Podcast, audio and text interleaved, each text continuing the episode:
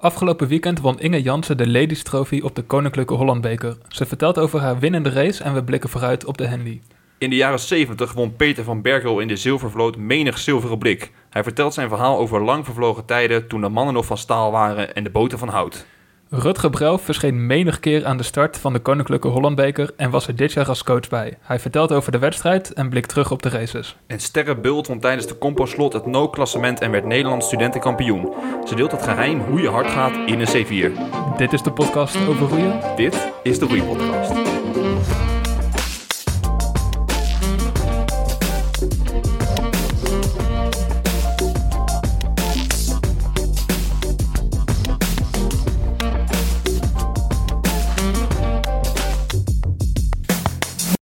Inge Jansen begon haar roeicarrière bij de eerstejaars dames van Orca in 2008 en won in dat jaar alle wedstrijden waaraan ze deelnam, inclusief het Nederlands kampioenschap in de acht. In de jaren daarna volgden talloze uitzendingen naar internationale toernooien, met als voorlopig hoogtepunt een zilveren medaille op de Olympische Spelen van Rio. Afgelopen weekend won ze de Ladies Trophy op de Koninklijke Hollandbeker en op dit moment staat ze op Schiphol op het punt te vertrekken naar de Henley om daar te strijden in de Princess Royal Challenge Cup. Inge, uh, allereerst gefeliciteerd nog met je overwinning op de Hollandbeker. Dankjewel. Uh, is het, uh, had je verwacht zo goed te presteren van tevoren? Um, nou, nou ja, ik, ik, wist wel dat ik kans maakte om te winnen, omdat ook het aantal, ja, het deelnemersveld was niet het sterkste van de afgelopen jaren, als je daarmee vergelijkt. Maar op zich ging het kieven dit jaar nog niet heel erg lekker bij mij. Dus uh, ik moest echt nog wel een stap zetten. En ik wist natuurlijk niet zeker of dat ging lukken. Maar dat is dus gelukkig uiteindelijk wel. Uh, ja, het ging eigenlijk heel goed. Dus uiteindelijk had ik gedurende het toernooi wel door dat ik, uh, dat ik een goede kans maakte. Ja, en je zegt het deelnemersveld was niet heel sterk. de voormalige wereldkampioen in de skiff, Emma Twik, deed wel mee. Um, ja. Maakt dat het nog extra bijzonder, deze overwinning?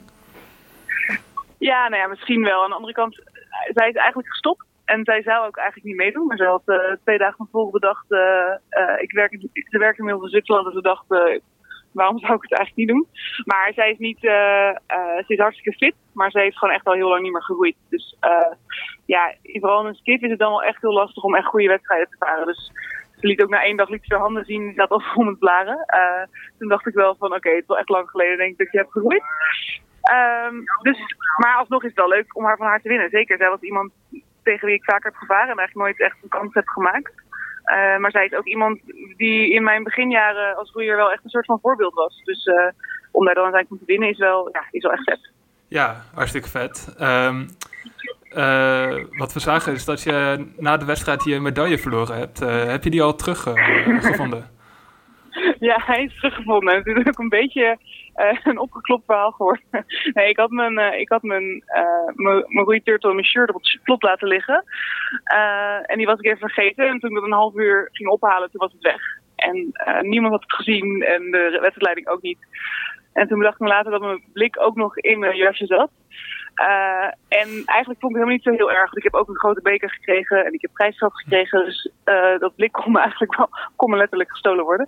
Uh, maar ik vond het meer gewoon asociaal dat mensen dat soort dingen pakken. Ehm, maar uiteindelijk was het gistermiddag, uh, is het in het trainingscentrum is het pakketje met kleren gevonden. Hoe daar terecht is gekomen weet nog steeds niemand. Maar ja, ik ben wel blij dat het terug is. Maar ik vond het vooral eigenlijk hilarisch hoe de NOS het uh, opeens oppikte en er een soort van uh, headline story van maakte.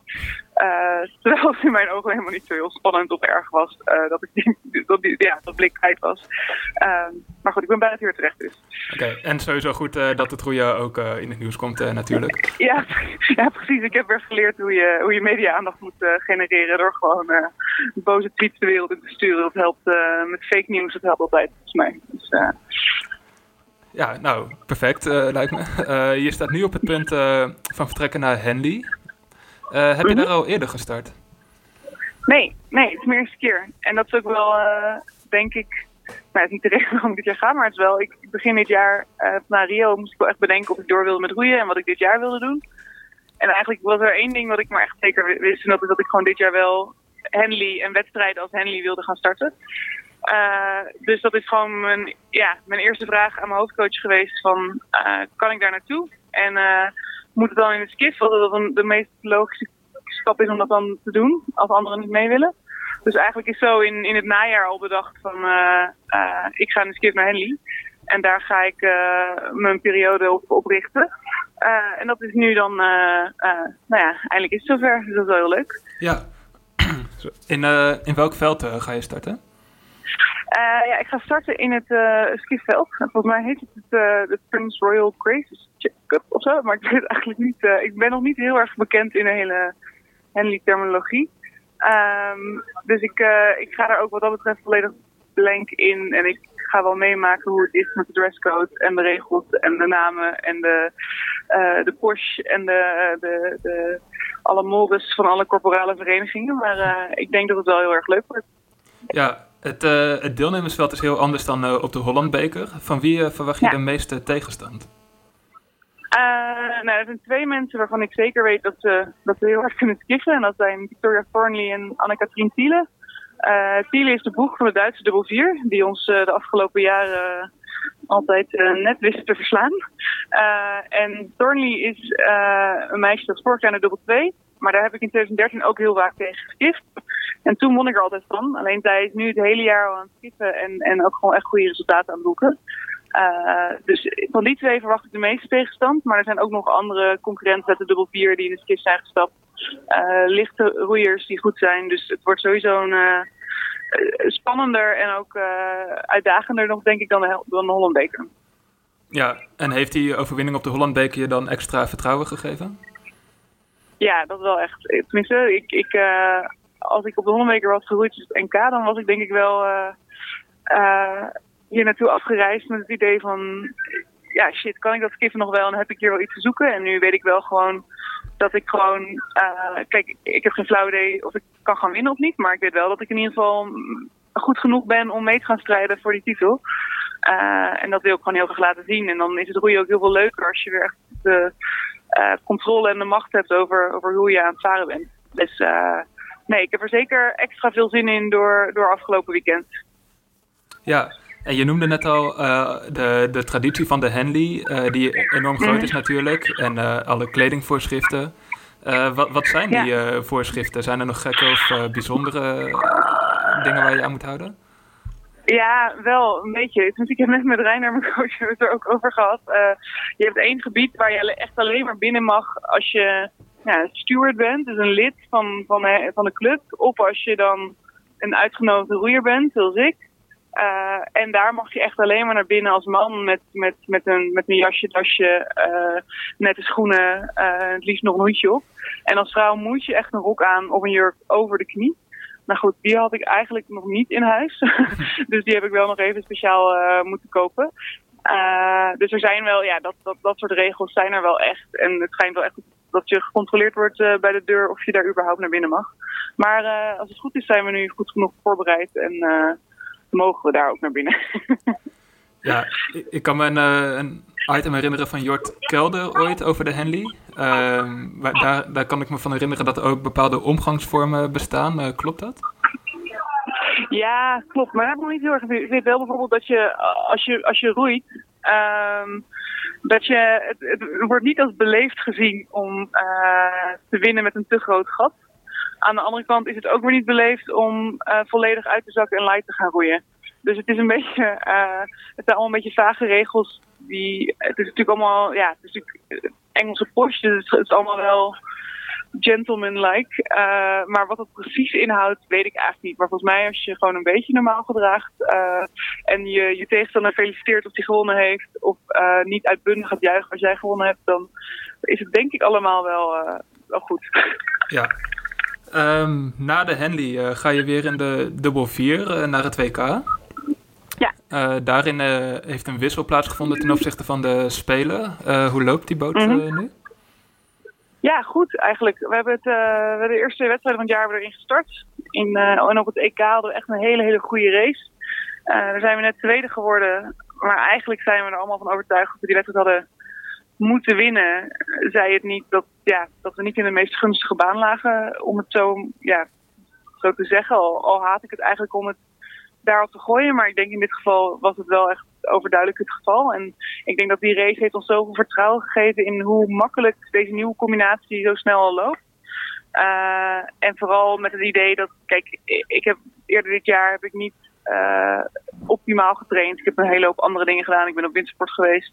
Dat geldt ook voor een aantal van de ploeggenootjes. Dus we zijn ook wel echt van overtuigd dat we eind van de zomer echt weer topfit zijn.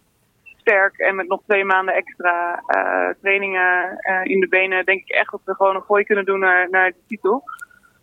Dus eigenlijk heb ik daar ook echt heel veel zin in. We, we, we, voelen gewoon alle vier wel van hier zit echt iets in. En dit moeten we gaan uitbouwen. Dus nee, daar heb ik veel zin in. Oké, okay, nou dat uh, klinkt veelbelovend. Ten ja. slotte zijn er dit jaar een paar nieuwe Orca-dames bij de bond aangesloten. Mm -hmm. is er een toekomst mogelijk waarin er een Orca-boot volledig actief wordt op een WK? Uh, dat is mogelijk, maar dat gebeurt tegenwoordig echt zelden. Je ziet het nu bij Nereis gebeuren, maar die hebben wel echt nog uh, iets meer dan drie of vier mensen die, uh, die goed bezig zijn. dus ik denk dat we dat voor, voor dat. ik zou het heel graag willen, maar ik denk dat het nog wel een, misschien nog een iets te utopisch idee is. maar ik denk wel dat het, het een goede eerste stap. En ik hoop ook, en, maar met alleen topbroeiers kom je er niet. Ik denk dat, we, dat het nu echt zaak is om, om de middengroepen de eerstejaars weer, weer beter op, op touw te krijgen. En gewoon echt grote groepen met goede roeiers uh, die elkaar stimuleren en beter maken uh, gaan vormen. En vanuit daar kun je dan misschien gaan dromen over volledig orkaboten naar een WK. Maar dat volgens mij de laatste keer dat dit gebeurd is in de jaren, jaren 70, 80 geweest.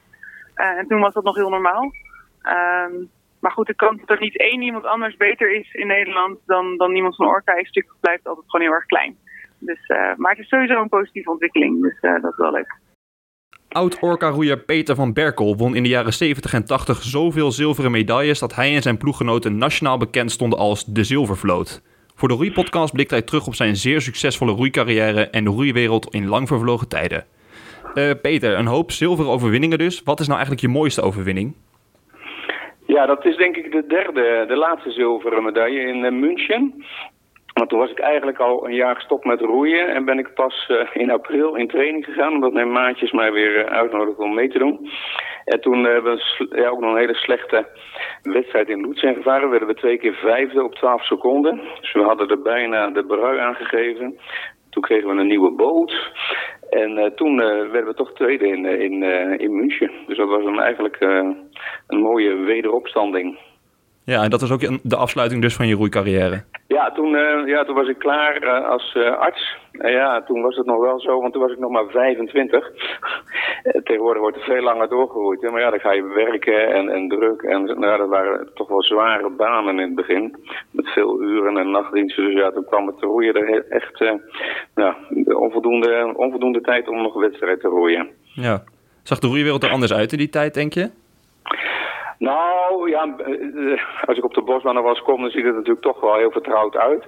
Uh, maar toen waren er veel meer wel verenigingsploegen. Hè? Dus zeker aan de top zo, had je wel achter die bijvoorbeeld uit twee verenigingsviertjes bestonden. Bijvoorbeeld hebben we met Orca en Jortsen een goede lichte acht gehad die WK heeft geroeid. Tegenwoordig worden overal ja, de beste van een vereniging weggeplukt. Dat is er dan één of twee. En dat, dat was toen nog niet zo sterk. Dat kwam toen wel ook al tijdens mijn uh, carrière in opkomst.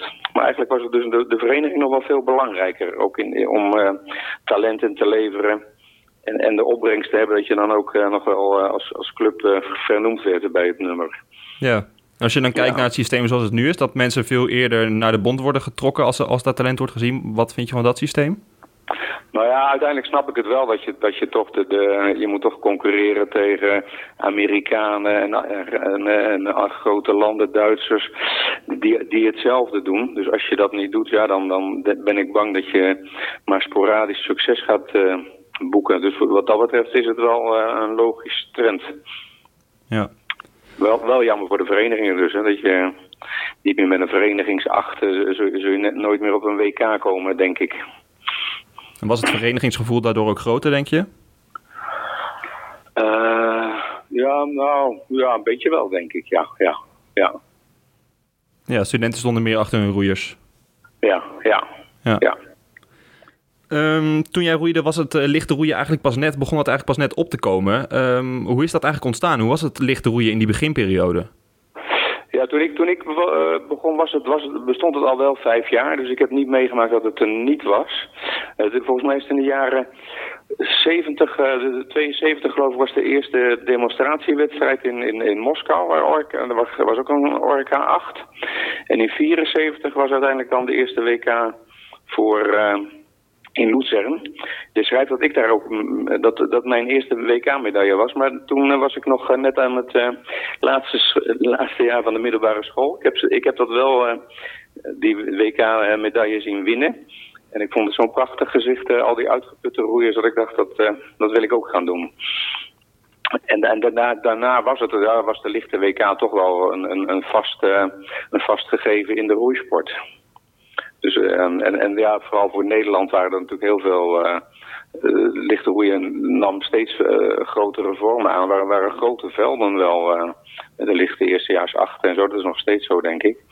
Dus ja, dus het is wel leuk voor mannen tot 70 kilo... dat, dat, dat ze ook toch op internationaal velden goed voor de dag kunnen komen. En ik ben bang dat als, dat, als de Olympische Spelen uh, hoe heet het, afgelopen zijn voor de lichte roeiers, dan wordt het toch wel een wat minder interessant veld. Hè? Ja, want hoe kijk je daar tegenaan? Hoe zou je die beslissing vinden als er wordt besloten om alle lichte nummers van de Olympische Spelen te schrappen? Ja, zou ik heel jammer vinden. Ja, ja. Ja, nu heb ik nog wel de tijd meegemaakt. In mijn tijd was dat trouwens ook zo. De lichte, want wij hebben nooit uh, Olympisch, Olympisch geroeid, omdat het uh, pas, nou, uh, de lichte vier stond geloof ik pas in, in Australië, in Sydney op, voor 2000 voor het eerst op de agenda. Dus in die zin ken ik het wel. En toen waren, nou, in mijn tijd was de WK ook wel super belangrijk. Uh, vooral de drie jaren dat er dan geen Olympische Spelen was. Dan, dan, dan telde het lichte roeien wel mee. Maar goed, als dan Olympische Spelen was, was, was er altijd ergens een WK voor je, uh, licht en jeugd. Ergens uh, niet, niet al te voor, vooraanstaande baan, zeg maar. Ja, en zie je dat als een, als een gemiste kans dat je nooit een Olympische Spelen hebt kunnen starten als lichte roeier?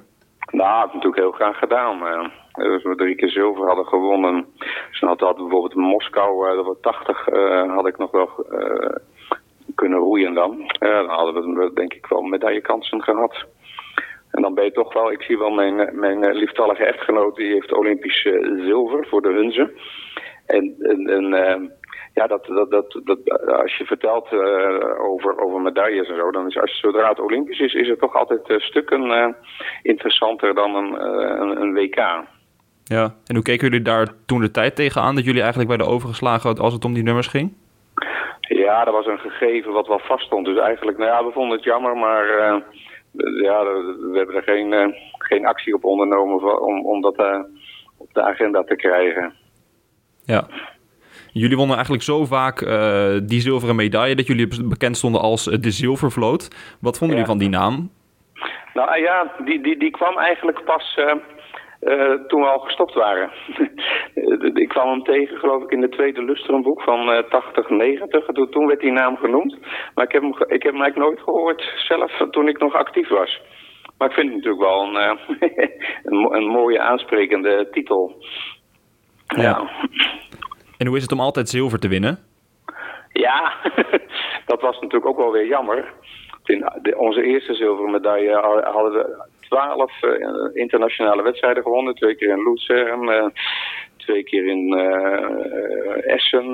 nou, dus alle, wij hadden eigenlijk niet verloren. En net, op de, dat, dat is wel een beetje Nederlands was dat toen, dat je op het moment supreme verloren we met drie tiende seconden van de, Zwitsers in, in Kopenhagen was dat. Ja, ja dat, was, dat was heel erg balen. Toen lagen we ook nog voor. De, de, er was een filmpje van uh, Chris van Winden, die, die filmde de, de orkaan. Die, die is mhm. inmiddels overleden, maar die filmde dan eerst verschuin. zag je ons aankomen. Op een gegeven moment lag de, de camera precies recht op de, dwars over de baan. Toen lagen wij nog een tafje voor. En dan kon je daarna tellen, nog twaalf, twaalf halen. En toen lagen we een tafje achter. Dat is, ja, dat is, dat is toch wel, nou ja, op dat moment is het vreselijk balen. Maar nou ja, op dit moment, nou, 40 jaar later, denk je, nou ja, het was toch een uh, hele prestatie. Ja, en was het dan altijd ook één tegenstander? Hadden jullie één, uh, één gezworen vijand of wisselde dat? Nee, nee, dat, dat wisselt ook, ja. Want de, het jaar daarna verloren we van de Britten. Die hadden, die hadden het hele jaar waren die nergens geweest. Dus die kenden we niet. En toen werden wij tweede en de, de Zwitsers derde. En in 81 waren het de Australiërs die eh, van ons wonnen. Dus we hebben drie keer van, van drie verschillende ploegen uh, toch net klop gehad. Ja. Afsluitend, uh, wat, wat is jouw tip voor lichte roeiers die hun roeicarrière ook willen verzilveren? Ja, toen, toen wij begonnen met roeien, toen, toen was het vooral de, uh, de roeitrainingen en gewichtentrainingen en outdoor. En dat was dus zo, zo ongeveer eh, toch één keer per dag, zeker als je begon. En wij zijn vrij snel eigenlijk uit onszelf, waren met vier orkanen, Paul Palsen, Jaap van der Meij, Erik Hurkers en ik. En wij gingen toch eigenlijk zonder af te spreken, gingen we drie keer in de week extra trainen. Dus fietsen, hardlopen. De, toen waren er nog geen roeiergometers. Maar als je toch net meer kilometers maakt uh, op ergometer, boot, fiets of lopend, ja, dat was wel in ons voordeel. Want het eerste jaar waren wij toch wel meteen behoorlijk succesvol. Dus, dus ja, kilometers maken op, op vele manieren. We blikken terug met coach Rutger Brouw op de Koninklijke Hollandbeker van afgelopen weekend. Rutger, je was in het verleden ook actief als roeier op de Hollandbeker. In wat voor nummers heb je gestart? Uh, in alles bijna. Uh, behalve de 4 met en de 2 met.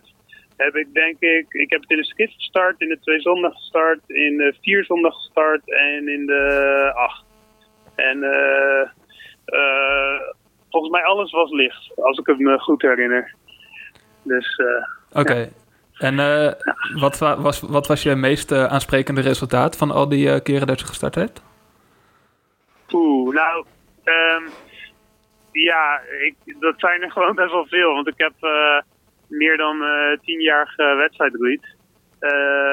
ja, een paar dingen die, me, die ik echt leuk vond was op mijn eerste Hollandbeker in de vier zonder, licht vier zonder, toen hadden we internationale tegenstand, waaronder twee Duitse ploegen. En, nou, ik was toen nog heel jong en bleu. En toen, uh, we hadden toevallig een heel goed jaar.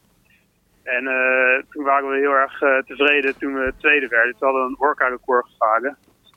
en echt ook heel dik aangescherpt. En onze eerste internationale ploeg achter ons gelaten. Dus dat was heel cool. een andere, het jaar daarna, was, um, was ook heel cool. Toen hadden we twee verenigingsviertjes, eentje van Skull en eentje van Orca, hadden we een uh, gelegenheidsacht gemaakt. En toen hebben we de lichte bondsacht uh, uh, tot de 1500 meter eraf gevaren. En nou ja, dat ging dus heel goed, verrassend genoeg. Um, nou werden we wel tot het einde werden we weer ingelopen, helaas. Hebben we de wedstrijd verloren op drie tiende. Zoiets, of vijftien of zo. Uh, maar toen zeiden de, de slagen van die uh, lichte Holland 8, zeiden ja, dit gaat uh, niet goed. Dus wij stappen uit lichte 8, we stappen uit het project. En toen zei de bond, nou, we gaan niet nog een nieuwe 8 selecteren. Dus dan mag die Orca Skull combi mag naar Luzern. En dat, zo mocht ik naar mijn eerste wereldbeker. Dat was in mijn derde jaar. Dat was echt heel, heel vet. Wauw, dat zijn ja. goede verhalen. Ja, ja, hoe, hoe, ging die wereldbeker vervolgens in die combi? Ja, um, niet supergoed. Uh, we werden vierde daar en het veld was ook dat jaar niet groter dan vier. Uh, en we eindigden denk ik uh, vier of vijf seconden achter de nummer drie. Dus er zat wel echt een gat. Maar ja, het was gewoon heel cool om die eerste keer naar Luzern te mogen. En ja, de jaren daarna hebben we het veel beter gedaan. En toen waren er ook uh, veel meer inschrijvingen. Dus dat was ook wel uh, cool. Ja. Ja. Ja. Over de Hollandbeker. Je zei net al dat er een aantal buitenlandse ploegen altijd meedoen. je hebt je eerste buitenlandse ja. ploeg daar verslagen. maar het is geen officiële wereldbeker. Wat voor een soort wedstrijd is het precies? nou, dat is een goede vraag, want ik weet zelf eigenlijk ook nooit goed. Het is gewoon volgens mij echt een ja, een beetje een, ja, een, traditionele wedstrijd in uh, Nederland waar ook internationale ploegen aan mee mogen doen. En um, ja, je, als, als organisatie proberen ze gewoon altijd echt toppers naar Nederland te krijgen. Om, om gewoon Nederland zelf, het roeien in Nederland ook een beetje internationale allure te geven. En nou ja, dat zie je ook. Dan is er dit weekend bijvoorbeeld die Ondrej Sinek die dan komt roeien en die Emma Twig die dan komen Dat zijn echt, echt, echt toppers. En dat is heel cool dat zij dan uh, meedoen in, in Nederland. dat is echt heel leuk. Ja, um, en de, ja, dus je zegt al, die, die worden, de buitenlandse ploegen worden vooral benaderd door de organisatie. Die komen minder uit zichzelf naar deze wedstrijd. Ja, nou, dat valt ook wel mee. Kijk, die toppers die worden een beetje, die worden denk ik wel gevraagd, zeg maar. Maar verder zijn er genoeg ploegen die later in het jaar uh, ook in Europa moeten zijn. Dus bijvoorbeeld als ze naar Luzern gaan, dan zijn er bijvoorbeeld ploegen uit Hongkong of Nieuw-Zeeland of Australië of Amerika. Die komen dan naar de Hollandbeker. dan kunnen ze daar vast een paar tegenstanders, internationale tegenstanders ontmoeten. En dan blijven ze nog een paar weken in Europa om te trainen. En dan starten ze Luzern. Dus voor sommige mensen is het ook al een beetje hoe zeg je dat? Een, een, soort half trainingskamp, half verblijf tot de eerste echte wereldbeker. De, de, derde wereldbeker is altijd de wereldbeker waar, waar je de meeste mensen tegenkomt op het WK na, zeg maar. Ja, een, dus een, een, soort eerste meetmoment om te kijken waar ze, waar ze staan voor de rest van het seizoen. Ja, ja precies. Ik, ik wil niet zeggen dat je eerste twee wereldbekers niet meetellen. Maar je ziet toch altijd dat daar gewoon minder inschrijvingen zijn. Eh. dus dan is het derde altijd uh, een beetje de beste om te kijken hoe je ervoor staat richting het WK. Ja. ja. Dit, dit weekend was jij er als coach. Um, ja. wat hebben jouw roeiers gedaan? In welke velden hebben ze gestart? Um, even kijken, ja. Um, Vincent Goris heeft in de skis gestart. Uh, uh, en daar heeft hij, ik geloof, een Australiër en een Fransman heeft hij mee moeten battelen. Nou was dat veld de volgende dag veel interessanter voor hem, maar het was heel leuk. Het was zijn eerste, ook voor hem dus, zijn eerste internationale ploeg, als ik het goed heb. En Vincent de Vries, die zat in een lichte dubbel 4. Dat was een project dat we samen met Tricon en Skull hebben opgezet. Uh, wij hoopten dat er na het NK een, uh, een project opgezet zou worden door de bond. Maar die heeft de hele tijd een beetje zijn handen ervan afgehouden. Dus toen hebben we uiteindelijk zelf besloten om dat op te zetten. We hebben zelfs een selectie voor gehouden. En nou ja, het ging eigenlijk best wel goed.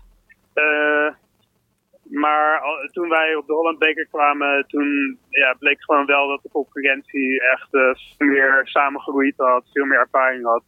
En uh, wij hadden dus, ja, ik geloof iets van zeven trainingen in acht dagen. En ja, de andere ploegen, daar kun je vanuit gaan dat die wel echt een, een, maand of meer bij elkaar zitten. Dus ja, het was een heel leuk project, want we dachten, nou ja, misschien lukt het om om eh, een kwalificatie af te dwingen voor het lichte senior B-project.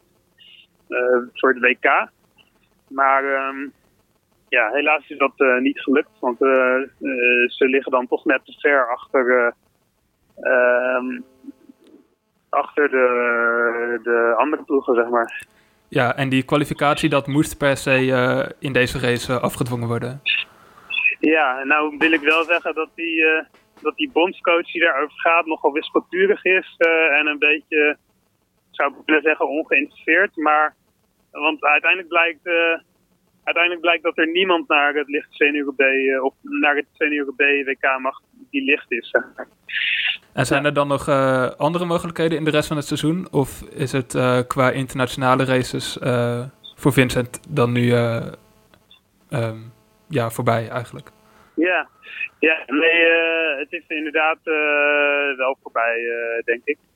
Ehm, de enige manier hoe je nog um, ja, jezelf zou kunnen bewijzen is als je naar Luzern zou gaan.